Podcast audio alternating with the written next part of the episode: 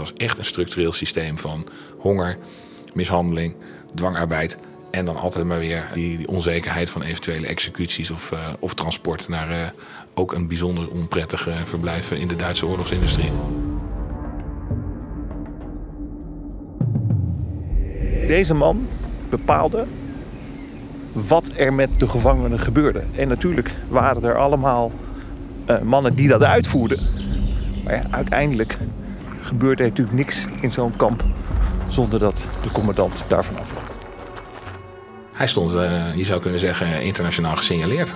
Hij was natuurlijk een, uh, een oorlogsmisdadiger. En daar was iedereen het uh, duidelijk over eens. Want dat wisten ze in 1944, de Nederlandse regering in Londen ook al.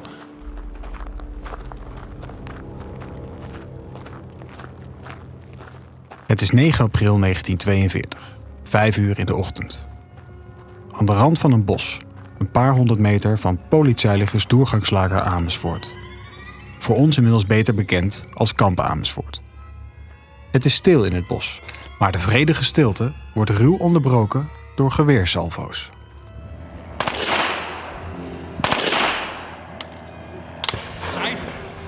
Twee Duitse kampbewakers staan bij twee grote vrachtwagens de wacht te houden. In het bos is een grote kuil gegraven en een executiepeloton van vijf SS'ers staat rondom die kuil. Maar pal voor de kuil, met hun gezichten naar de kuil toe, staan vijf krijgsgevangenen uit de Sovjet-Unie. In de kuil liggen de lijken van hun doodgeschoten kameraden. In de vrachtwagens op het zandpad verderop zitten nog meer Sovjets. In groepjes van vijf worden ze geëxecuteerd, met een schot in de nek. Als het executiepeloton er niet zeker van is, krijgt men nog een zogenaamd genadeschot. In totaal worden die ochtend 77 krijgsgevangenen geëxecuteerd. Onderdeel van het vijfkoppige executiepeloton is de kampcommandant van kamp Amersfoort. Walter Heinrich. Een man waar jij waarschijnlijk nog nooit van hebt gehoord. Hij komt namelijk amper voor in geschiedenisboeken. Vooral omdat vele oorlogsmisdadigers op zijn minst gelokaliseerd worden. Sommigen zelfs berecht. Heinrich niet. Die wordt na de oorlog nooit meer gevonden. En dus ook niet berecht voor zijn vreselijke oorlogsmisdaden. Want dat is hij, een oorlogsmisdadiger. Het is de grondlegger van een naargeestig concentratiekamp. 47.000 mensen hebben gevangen gezeten in kamp Amersfoort. Hoofdzakelijk mannen. Allemaal ondergaan ze een vreselijk regime. 652 mensen vinden er een gewelddadige dood. Met één man die daar de architect van is. En toch is hij onbekend. Sterker nog, tot voor kort was hij enkel een naam die her en der voorbij komt in het Nationaal Monument Kamp Amersfoort. Inmiddels weten we iets meer over hem. En dat is vooral te danken aan Floris van Dijk, hoofdonderzoek bij Kamp Amersfoort. Begin maart 2022 krijg ik een rondleiding van Floris. We wandelen door het indrukwekkende museum over de binnenplaats en zien in de verte de schietbaan liggen. Hij vertelt over Heinrich, de gebrekkige informatie over hem tot dan toe. En hij zegt ineens: Ik heb zijn SS-dossier in handen weten te krijgen. Het is een soort personeelsdossier. Daarom hebben we nu een beter beeld van hem en, zijn verleden. Waar hij is opgegroeid, zijn carrière. Maar wat gewoon heel raar is. Sinds februari 1945 is hij spoorloos verdwenen. Volstrekt onduidelijk wat er dus na, oorlog, uh, na de oorlog met de, de, man is gebeurd. Dit is Floris. Je zult nog veel meer van hem horen deze podcast, want we maken deze podcast samen. Dat is dus tot de dag van vandaag eigenlijk. Uh, wat is er met de man? Toch echt gewoon een notoren oorlogsmisdadiger. Grondlegger van een uh, zeer wreed kamp. hoofdpersoonlijk betrokken geweest bij de ene grootste massa-executie in Nederland in de Tweede Wereldoorlog. En zo kan ik nog wel een tijdje doorgaan. Dus echt een man met vuile handen, maar wat is er na de oorlog met hem gebeurd? En hij heeft dus nooit voor de rechter gestaan. Dit is de Verdwenen SS'er. Een podcast waarin we proberen te achterhalen wat er na de oorlog is gebeurd met Walter Heinrich. Oorlogsmisdadiger, massamoordenaar en grondlegger van een van de gruwelijkste concentratiekampen in Nederland. Hij verdwijnt in de laatste maanden van de oorlog. Onvindbaar spoorloos. Mijn naam is Jordi Hubers en samen met Floris van Dijk ga ik op onderzoek uit. Op zoek naar een onbestrafte oorlogsmisdadiger. Aflevering 1. De hypotheses. Verschollen seit februari 1945. Dat zegt een officier van justitie in Bremen in 1981 in een vertrouwelijk document dat wij in handen hebben gekregen. Heinrich is vandaag de dag bijna 80 jaar spoorloos verdwenen. Wikipedia zegt trouwens dat hij 112 is, maar dat is redelijk onwaarschijnlijk. Maar wat is er dan wel met hem gebeurd? Vanaf de eerste seconde dat Floris mij dit verhaal vertelt, ben ik erdoor gegrepen. Verdwijningen zijn natuurlijk altijd spannend, maar we hebben het hier wel over een man die verantwoordelijk is voor heel veel leed en, als we snel rekenen, voor meer dan 300 doden. Als je dat op je kerfstok hebt, hoe kan je dan spoorloos verdwijnen? Hoe krijg je dat als SS'er met zijn staat van dienst voor elkaar? En waar naartoe? In deze podcast maken we kennis met de gewetenloze oorlogsmisdadiger en volgen we zijn mogelijke voetsporen. Maar je snapt, dat is nog niet zo makkelijk, want het is 80 jaar geleden en overlevenden zijn er amper. Oorlogsdocumenten zijn er wel. Wat is er nog te vinden over hem? Floris heeft dus al zijn SS-dossier weten te bemachtigen. Daarover gaat hij van alles vertellen. Ook heeft hij onderzoek gedaan bij het NIOD, het Nederlands Instituut voor Oorlogs, Holocaust en Genocidestudies, en bij het Nationaal Archief. En ik ga uiteraard zelf ook op onderzoek uit. 9 hits. Ehm, inventaris van de archieven van de commissies tot opsporing van oorlogsmisdadigers. In het Nationaal Archief zijn meerdere dossiers over Heinrich te vinden. Nou, dat moet hem zijn. En dus ga ik naar Den Haag op zoek naar informatie over Walter Heinrich, geboren op 2 januari 1910 in Mislovic. Want dat is wat we zeker weten.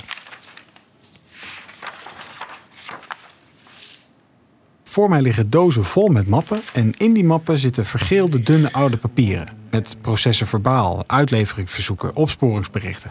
Echt ongekend hoeveel er bewaard is gebleven. En ik kom ook verslagen van verhoren van nazi's tegen die wel zijn opgepakt na de oorlog. Wat ik vooral vind is onduidelijkheid. De naoorlogse periode kenmerkt zich door totale wanorde, lijkt het wel. Bureau Nationale Veiligheid. District Schavenhagen, datum 3 december 1945. Naar aanleiding van de signalering van Erich Heinrich. Geboren te Valkenberg, Vrijberg, 3 februari 1903. In de recherchelijst nummer 6 deel ik u mede dat deze op 21 november 1945 als krijgsgevangene vanuit de strafgevangenis Scheveningen is afgevoerd naar België. Maar dat is, dat is onze Heinrich helemaal niet. Tussen alle mappen en dossiers vind ik een vertrouwelijk document dat in 1944 is verstuurd. Van een informant aan de Nederlandse regering in Londen met informatie over oorlogsmisdaden en misdadigers in kamp Amersfoort. En wie zien we daar? Heinrich. Dus in 1944 is er een informant die de regering informatie geeft over mensen die in kamp Amersfoort dienst hebben gedaan. Er wordt onder andere hier iemand als super sadist en sadist aangeduid. Dat zijn de bewakers, Franska en Sandreuter. En op nummertje 10 staat Walter Heinrich, Obersturmführer, lagercommandant. Dus hij is in 44 al bekend, maar nooit gevonden. Al in 1944 belandt Heinrich op een lijst van na de oorlog direct op te pakken misdadigers. En die lijst is bij de Nederlandse regering in Londen terechtgekomen. Ze kennen hem dus al in 1944. En dan staat ik ook nog op een briefje. Er is een brief gericht aan Walter Heinrich vanuit Dordrecht in 21-4-1945. In het mapje met documenten over Walter Heinrich ligt een brief met een blauw envelopje. Geen adressering, maar een veldpostnummer. Iedere Duitse eenheid had in die periode een soort postbus. Maar goed, geschreven aan Walter Heinrich in april 45, dus twee maanden na zijn verdwijning. Ik weet niet hoe ik dit document moet inschatten. Het handschrift is te onduidelijk, mijn Duits is overigens ook te gammel. Ehm, er is iemand benieuwd naar hoe het met hem gaat, maar verder kom ik niet. Bist du gut angekommen, Walter? April 1945. Ja, hier zit wellicht wat in, maar het zijn vier kantjes volgeschreven. Ik besluit het inventarisnummer op te schrijven waar ik dit briefje heb gevonden. En dit dan later met Floris nogmaals te bekijken en ja, te ontcijferen. Obersturmführer Heinrich, commandant van het kamp. A. Verantwoordelijk voor mishandeling van gevangenen, slechte behandeling van de gevangenen in het algemeen en het laten voortbestaan van onmenswaardige toestanden. B. Verdacht van medeplichtigheid aan het fusilleren van Russische krijgsgevangenen. Ja, wat, wat kan er nu met Heinrich gebeurd zijn? Floris en ik gaan samen met René Veldhuizen, ook onderzoeker bij het Nationaal Monumentkamp Amersfoort, speculeren. We vormen een soort cold case team, op zoek naar ja, kruimeltjes. Kijken of daar een spoor van te maken is. We besluiten eerst wat hypotheses te formuleren. En die verder dan te onderzoeken. In de hoop aanknopingspunten te Eh, vinden. hoe kan iemand die in 1944 al bekend is bij de Nederlandse regering, hoe kan die spoorloos verdwijnen? Je hebt verschillende mogelijkheden. Ik bedoel, ehm, verdwijnen. Eh, kijk, eh, we weten allemaal natuurlijk de voorbeelden van hooggeplaatste naties... die bijvoorbeeld naar met name Zuid-Amerika zijn gegaan. Eh, nou ja, die eh, namen die, eh, zijn natuurlijk berucht en genoegzaam bekend. Niet alleen Ja. Mengelen en zo, maar ook Klaus Barbie, hè, de beruchte slager van Lyon... die ook de twee verzetsmensen in Frankrijk eigenhandig heeft vermoord. Eichmann is natuurlijk in Argentinië. Eichmann, ja, maar die zijn dus allemaal ja, vaak via Vaticaanstad dan dus met, onder valse identiteiten ontkomen. Ja. Dus dat zou een optie kunnen zijn. Weer een heel andere mogelijkheid is natuurlijk ook dat hij eh, gewoon onder een andere identiteit, zoals ook wel meer van die eh, hebben gedaan, gewoon in Duitsland of in Oostenrijk eh, is gaan wonen. Eh, werken en leven. Eh, nee, dat kan natuurlijk ook. Ja, maar ja. eh, En de, de SS-baas eh, die, die heeft er ook geprobeerd om eh, met een soort vermomming een andere naam. eh Ja. Himmler. Heinrich Himmler, ja, die deed zich voor geloof ik als een of andere sergeant met een ooglapje. Dus die eh, dacht eh, hè, zo min mogelijk herkenbaar worden. Maar die is dus wel herkend. Dus die heeft, eh, maar dat is echt helemaal aan het eind van de oorlog. Zaten ze natuurlijk allemaal in, Noord, in het noorden van eh, Duitsland. Net zijn van Flensburg. Ja, precies. Dus die is, eh, maar dat is dus nog weer een andere optie, ook voor wat Heinrich, nu we het erover hebben. Want volgens mij is eh Himmler in een eh krijgsgevangenkamp eh, herkend en opgepakt. Het kan natuurlijk ook zijn dat hij gewoon eh Walter Heinrich ergens, hè, dat kan door Canadezen in Nederland of door eh, Amerikanen, waar, die dan ook uithing, natuurlijk gewoon is gearresteerd en opgesloten in zo'n krijgsgevangenkamp. En daarvan weten we dus wel bijvoorbeeld dat daar ook een eh, uitleveringsverzoek naartoe is gestuurd, vlak na het eind van de oorlog. omdat ze dachten, toen al, want daar hebben we dus inderdaad in een van die archieven, van het Nationaal Archief, ook een berichtje van gevonden. Dus dan vragen ze inderdaad uitlevering van Walter Heinrich. Maar ja, dat, die komt dus niet, die wordt niet uitgeleverd, want daar zat hij niet. Nee. En dat maakt die hele optie van, die maakt die hele optie natuurlijk van eh, krijgsgevangenschap ook sowieso eh, eh, een van de minder waarschijnlijke, omdat er natuurlijk wel heel erg actief is gezocht naar hem. En ja, dan begin je natuurlijk in die eh, kampen waar allemaal eh, militairen opgesloten zitten. Maar daar is hij dus in 45, 46 verder niet gevonden. Actief gezocht naar hem. Genoeg opties dus om het uit te zoeken. Is hij weggekomen naar de andere kant van de wereld? Is hij opgepakt en gevangen genomen? En ja, hoe gaan we dit uitzoeken? Oké, eerst even. Met wie hebben we te maken? En sorry alvast, maar dit wordt echt even een geschiedenislesje in kort bestek. Maar dat is nodig om de rest van de serie te snappen. Floris heeft dus al eerder naar Walter Heinrich gezocht. Hij krijgt het SS-dossier in handen, leest overleveringen van oud-gevangenen en kan dan een redelijk beeld vormen over het leven van Heinrich. We bladeren er samen nog eens doorheen. Zo staan er allerlei ja, verschillende. eh, eh, hier heb je dus inderdaad een door hemzelf handgeschreven uh, levenslauf. Ja. Dat is natuurlijk uh, zeer waardevol, want zoals gezegd, we Is zijn handschrift? Dit is zijn handschrift. Hier heb je dus ook zijn handtekening. Maar er, er wordt helemaal niks over Kamp Amersfoort gemaakt. Nee. En dat is uh, natuurlijk wel, uh, want dit, dit, dit is de man. Dit is Walter Heinrich. Dit is uh, de handtekening, foto's op de gelijkenis. dit is allemaal verder geen enkele twijfel. Hij heeft een hele kenmerkende handtekening. Puntje, puntjes, nou je, kijk, je ziet het een beetje zwierige H. En dan loopt hij naar rechts weg. En puntjes die zijn eigenlijk een soort van streepjes geworden. En hij, die handtekening staat dus hier. Uh, dit is niet uit het dossier, maar dit is dus een document dat uit kamp Amersfoort komt. Hier heeft hij als uh, uh, commandant van kamp Amersfoort een, een overlijdensbewijs getekend van een gevangene, Leon Weil. Um, Nou, dat is een Joodse gevangene en die is dus in kamp Amersfoort omgekomen. Eh, we kunnen dan gewoon zeggen, het is natuurlijk een van de slachtoffers, die is hier vermoord. Ehm, en dat papier ondertekent hij hier. Dus die handtekening was het enige wat ik al wel van hem had. Totdat je dan dus dit dossier ziet en dan zie je precies dezelfde handtekening eronder.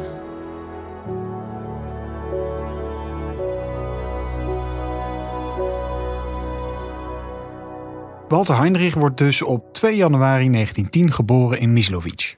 Na de Eerste Wereldoorlog komt deze stad in Polen te liggen. Daarom verhuist het gezin naar Oppoln. Hij is het derde kind van Paul Heinrich, een treinmachinist, en Anna König. Er was een veel oudere broer en een zuster die op 26-jarige leeftijd tijdens de bevalling van haar eerste kind in het kraambed sterft. Hij excelleert niet, niet op school, niet qua carrière, maar hij is wel ambitieus, gedreven. Hij wil wat met zijn leven. Hij gaat werken bij de plaatselijke gemeente en probeert zich in het openbaar bestuur omhoog te werken. In 1933 vraagt hij een lidmaatschap aan van de Schutzstaffel, de SS. Twee weken later wordt hij ook lid van de NSDAP, de politieke partij van Hitler. Het levert hem zelfs de erewinkel der Alten Kämpfer op. Nazi's van het eerste uur mogen op de rechtermouw een zilverkleurige chevron in de vorm van een V dragen. Hij wil carrière maken, zoveel is duidelijk. In januari 1939 wordt Heinrich aangenomen bij de Gestapo. Hij solliciteert naar meerdere functies, ook naar de Koloniaalpolitischen Amt der NSDAP in München. Kortom, hij wil in Duits bezet gebied een functie krijgen. Een opmerkelijk feitje dat we tegenkomen in alle dossiers. Het was toen heel normaal dat de SS goedkeuring moest geven voor een huwelijk.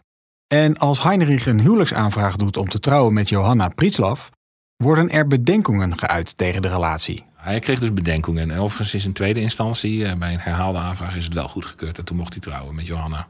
En daar is hij uiteindelijk ook mee getrouwd? Ja, dat is zijn vrouw. Eh, In 1938 zijn ze getrouwd. Oké. En geen kinderen bekend, althans, ja, mij niet. In 1939 valt Duitsland Polen binnen. Heinrich gaat als inlichtingenofficier ook naar Polen om verhoren af te nemen. In de loop van 1940 wordt Heinrich overgeplaatst naar het hoofdkantoor van de SD en daar ontmoet hij Wilhelm Harster. Een topnatie. In Nederland de beveelshaber der Sicherheidspolizei en daarmee belast met het dossier concentratiekampen en politieke gevangenen. En eh, Wilhelm Harster is dus degene die zich daarna eh, langzaamaan ging realiseren. Ik heb inderdaad dat centraal gelegen eh, strafkamp nodig. Straf- en doorvoerkamp. Mm, ja, en wie gaan we daar dan mee belasten? En toen ja, dacht hij dus aan zijn ervaringen in Berlijn, aan die jonge luitenant Walter Heinrich. En zo is Walter Heinrich in Nederland beland. En werd hij hier dus kampcommandant. Walter Heinrich, een pas 31-jarige kampcommandant met de rang van Untersturmführer. Op overgeleverde foto's is een verzorgde, slanke, donkerblonde man te zien. Volgens zijn medisch dossier 1,83 meter lang en 76 kilo zwaar. Om zijn verhaal nog kort af te maken, vanaf 1943 is Heinrich geen kampcommandant meer. Hij maakt een promotie en wordt politieinspector van alle concentratiekampen in Nederland. Hij komt te werken in Den Haag op het hoofdkwartier van de Sicherheidsdienst. Er duikt in onze zoektocht nog een bericht op dat hij eind 1944 een promotie maakt in rang. Hij wordt dan bevorderd tot Hauptsturmführer. En vanaf februari 1945 ontbreekt dus ieder spoor. Maar in 1941 begint het hoofdstuk Kamp Amersfoort dus echt. In het Nationaal Archief stuit ik dus op honderden processen verbaal. Allemaal even vreselijk en soms ronduit sadistisch wat daar gebeurde. Om alles goed te begrijpen in deze podcast kunnen we er ook niet omheen om dat even goed te schetsen. Wat was kamp Amersfoort precies? Wat gebeurde daar? Hoe is het eigenlijk ontstaan? Nadat de Duitse bezetting een feit is, worden gaandeweg steeds meer tegenstanders van het regime opgepakt en gevangen genomen. Onder andere in een kamp bij Schorl. En dat is gewoon een onhandige plek. Eh, er waren wel wat plekken in Nederland eh, waar eh, gevangenen werden verzameld. Eh, maar gaandeweg werd zeg maar de, de omvang van het aantal verzetstrijders, zou je kunnen zeggen. Of beter gezegd, hè, natuurlijk ook de mensen die op, in de ogen van de nazi's op ideologische gronden moesten worden opgesloten, werd gewoon heel groot.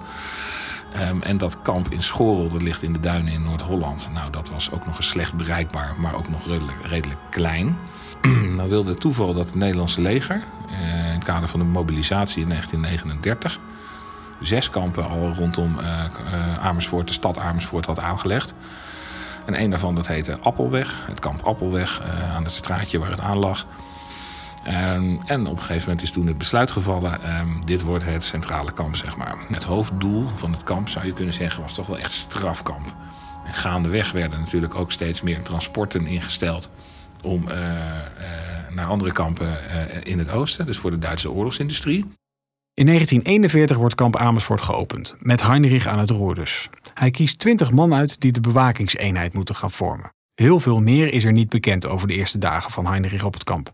Behalve dan een soort openingsspeech van Heinrich, waarin hij de groep bewakers toespreekt.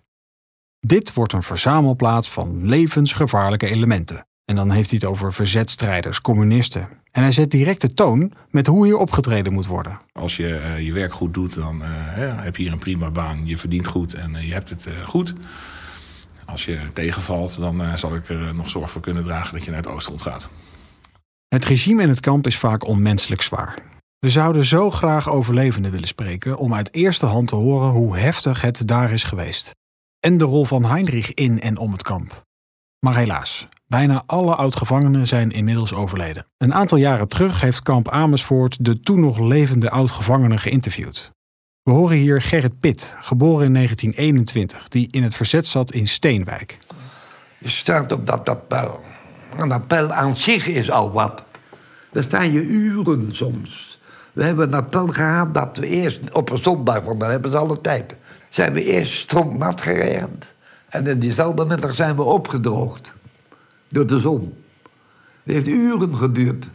Het typische van Kamp Amersfoort is, wat ik nu achteraf mij realiseer, is dat je daar eigenlijk het ABC van het kampleven hebt leren kennen. Ja? Dat is geen verdienste op zichzelf, maar, we hebben er later wel profijt van gehad. Want daar, daar leer je eerst alle rottige dingen die in een kamp konden gebeuren, waar je eigenlijk geen voorstelling van had dat zoiets mogelijk was. Maar het bleek dan toch wel mogelijk, maar in Sachsenhausen was het nog enige procenten erger. Iemand die nog in levende lijven met oud-gevangenen heeft gesproken is Jaap Vos. 94 jaar, maar nog altijd kwiek, fit en scherp van geest. Zelf heeft Vos ook de oorlog meegemaakt. Als mannetje van 12 zag hij de ellende op zich afkomen. Hij heeft gehuild toen de capitulatie in feit was, zegt hij. Nog altijd is Vos gids in kamp Amersfoort. Ze noemen hem de tandarts, want hij vult de gaatjes die ontstaan in de planning. De oud-gevangenen die u heeft gesproken, wat, is het, wat, wat staat u het meeste bij? Wat is het, eh, het, het, het indrukwekkendste dat zij hebben verteld? Wat ze indrukwekkendst is eigenlijk wat ze niet vertelden, dat is het trauma. Hè, wat je toch op een gegeven moment merkt, dat mensen die overdag gewoon eh, vrolijk en eh, met humor en eh, joviaal en zo met elkaar omgaan, een keer s'nachts liggen te gillen. Zo zie je maar. De trauma's van de oorlog zijn door velen nooit echt goed verwerkt. En dat zijpelt dus door naar meerdere generaties in de familie. En dan komt een mevrouw naar me toe en die zegt... je hebt ons toen rondgeleid in kamp Amersfoort. Ik zei, ja. Ja, het zal wel. Ik rijd zoveel mensen rond. Ja, zei ze. En toen heb je het punt trauma aangesneden. En dat is voor ons aanleiding geweest om een hele dag te reserveren...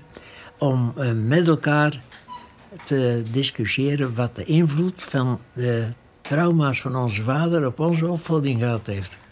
Ah, ja. Maar dat, dat, dat zijpelt dus gewoon door zo'n zo'n Ja, hele... de tweede generatie, zelfs de derde generatie merkt het. Dit is toch wel de reden waarom we gewoon moeten weten wat er met Heinrich is gebeurd. En hoe hij aan zijn straf is ontkomen. Voor nabestaanden is het ook bijna 80 jaar later nog steeds belangrijk om te weten wie er verantwoordelijk was voor de vreselijke misstanden. Deze mensen hebben behoefte en hebben recht aan een rond verhaal.